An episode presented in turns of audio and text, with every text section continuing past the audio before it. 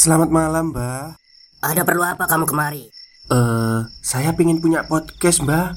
Biar pacar saya makin cinta sama saya. Loh, loh, loh. Mau bikin podcast kok tanya dukun? Sekarang kamu download aplikasi Anchor.fm. Di situ kamu bisa buat podcast gratis dan podcast kamu bisa didistribusikan ke platform mana pun. Dan di aplikasi atau website Anchor.fm juga terdapat fitur-fitur yang memudahkan kamu untuk membuat podcast. Oh, gitu ya, Mbak. Kalau gitu, saya boleh minta password wifi-nya, Mbak. Buat apa? Buat download Anchor.fm, Mbak.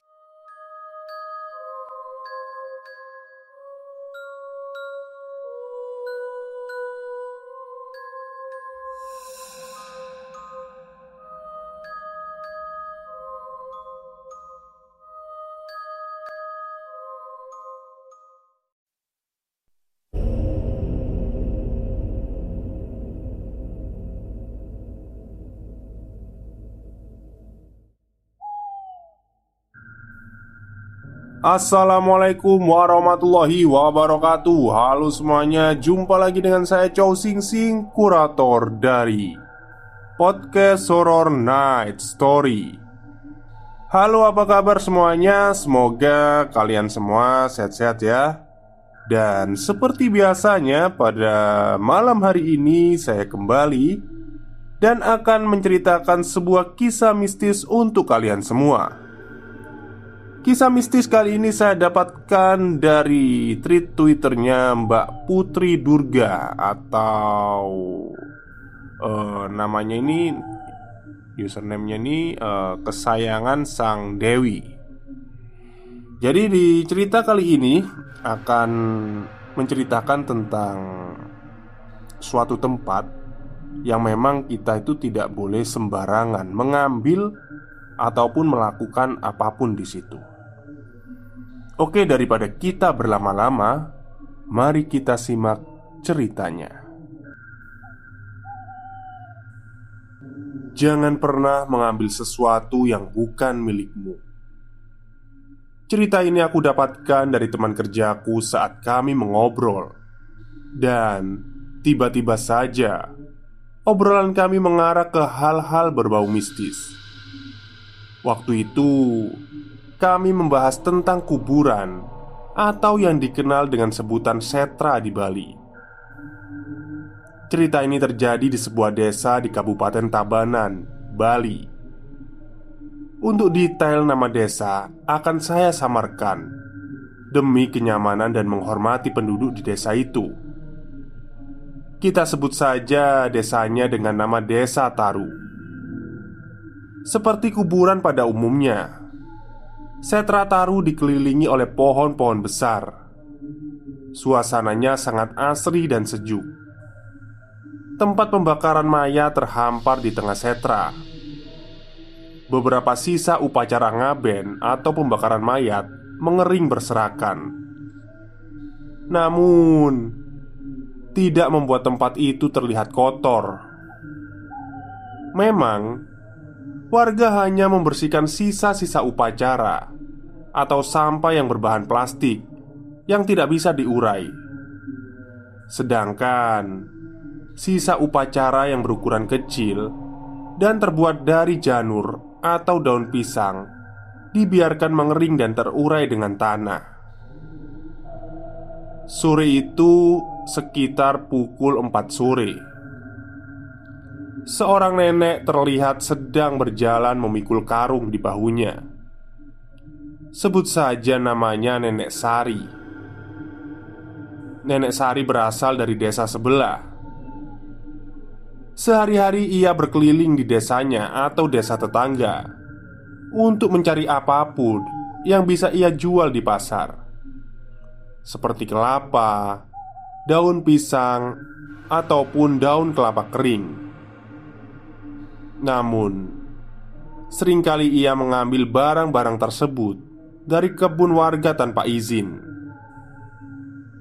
Nenek Sari sudah membawa beberapa barang di dalam karungnya saat berjalan mendekati wilayah Setra atau kuburan desa Taru. Setra Taru memang terkenal akan keangkerannya, tapi Sepertinya nenek Sari tidak mengetahui tentang hal itu. Dengan tenang ia memasuki kawasan setra yang memang rimbun dan dikelilingi oleh pohon kelapa. Terlihat beberapa buah kelapa dan daun kelapa kering tergeletak di areal setra. Senyum tersungging di bibir keriput nenek Sari. Ia merasa senang, tidak perlu berkeliling lagi untuk mendapatkan barang dagangan karena di depannya sudah lebih dari cukup yang bisa dia jual esok hari. Bergegas ia memasukkan buah dan daun kelapa kering ke dalam karungnya. Saat dipikir ia bahwa sudah cukup banyak dan karungnya sudah penuh, Nenek Sari berjalan dengan riang untuk kembali pulang dan berniat akan datang lagi esok. Ia mencoba mengingat jalan mana yang ia lalui tadi. Sesekali ia membetulkan letak karung yang ia pikul. Usianya sudah 60 tahun lebih. Namun ia masih kuat berjalan jauh dan membawa barang berat. Keringat menetes di pipi keriputnya. Ia merasa sudah berjalan cukup jauh. Namun pintu keluar setra yang ia lewati tadi belum juga terlihat. Dia melihat jalan di depannya masih jalan setapak lurus, yang di kanan kirinya ditumbuhi pohon kelapa dan randu besar. Hari sudah mulai gelap. Suara-suara hewan malam sudah mulai terdengar. Kelelahan, Nenek Sari duduk bersandar di sebuah pohon saat ia hendak berjalan kembali, ada sebuah tangan yang menepuk pundaknya. Saat ia berbalik, seorang lelaki tepat berada di depannya. Lelaki itu membawa sekarung rumput di atas kepalanya. Dia adalah Pak Rai, warga desa Taru. Nek, nenek dari mana? Mau ke mana? Tanya Pak Rai. Nenek Sari kemudian menceritakan apa yang ia alami. Kalau ia sudah berjalan cukup jauh dan tidak menemukan jalan keluar. Saat berbicara dengan Pak Rai Nenek Sari menunjuk jalan yang telah ia lalui. Betapa kagetnya Nenek Sari Karena ia tidak sedang berdiri Di jalan setapak. Namun dia berdiri di atas tempat pembakaran mayat. Ia pun terduduk lemas. Pak Rai menceritakan pada nenek Sari bahwa ia sudah melihat sang nenek saat baru mulai mencari rumput untuk pakan sapinya. Pak Rai melihat nenek Sari sedang berjalan memutari areal pembakaran mayat. Dikiranya nenek Sari sedang mencari sesuatu, tapi saat ia kembali dari mencari rumput dan keadaan langit sudah mulai gelap, ia masih melihat nenek Sari berjalan memutari areal pembakaran mayat. Di sanalah Pak Rai sadar sedang terjadi hal yang tidak wajar.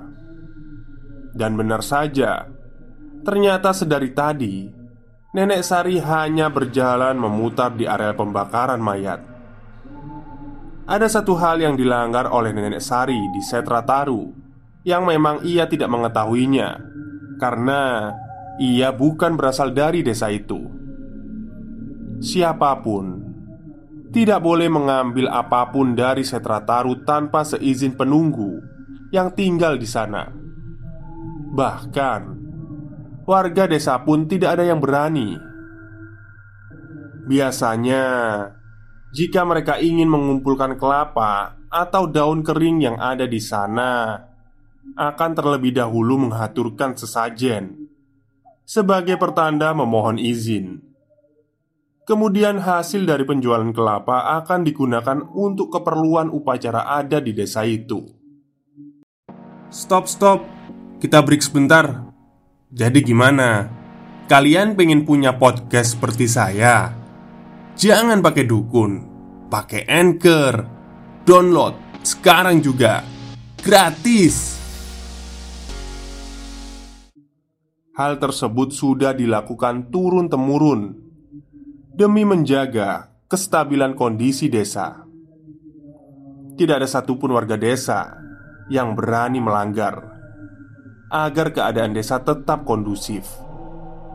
Di sana juga ada sebuah aturan yang tertulis bahwa areal setra tidak boleh dibersihkan tanpa izin. Pernah suatu hari, beberapa warga desa berinisiatif untuk membersihkan setra. Namun, mereka lupa untuk meminta izin. Setra menjadi bersih bak taman kota. Namun, apa yang terjadi? Secara beruntun, sebelas warga desa meninggal dunia dengan tidak wajar.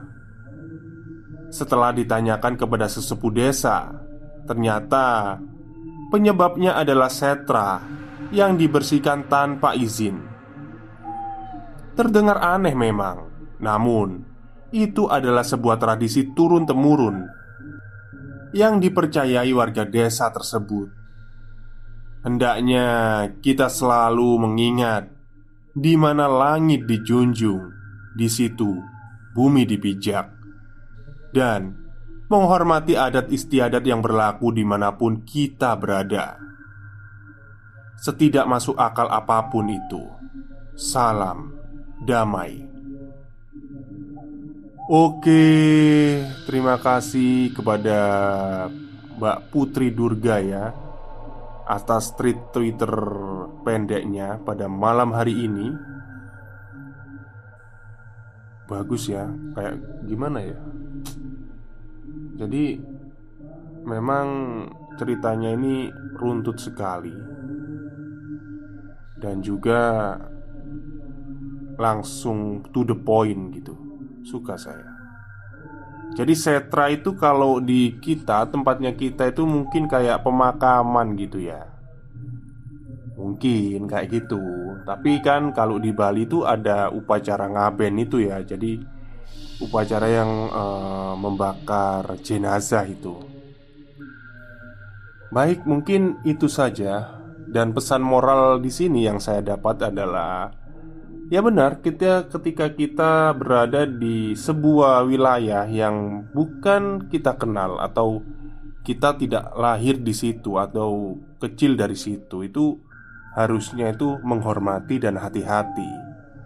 Jangan asal comot gitu loh. Meskipun ini sama-sama katakanlah si nenek ini sama-sama dari Bali ya, tapi kan udah beda desa.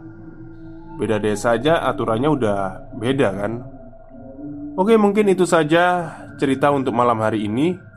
Kurang lebihnya saya mohon maaf. Wassalamualaikum warahmatullahi wabarakatuh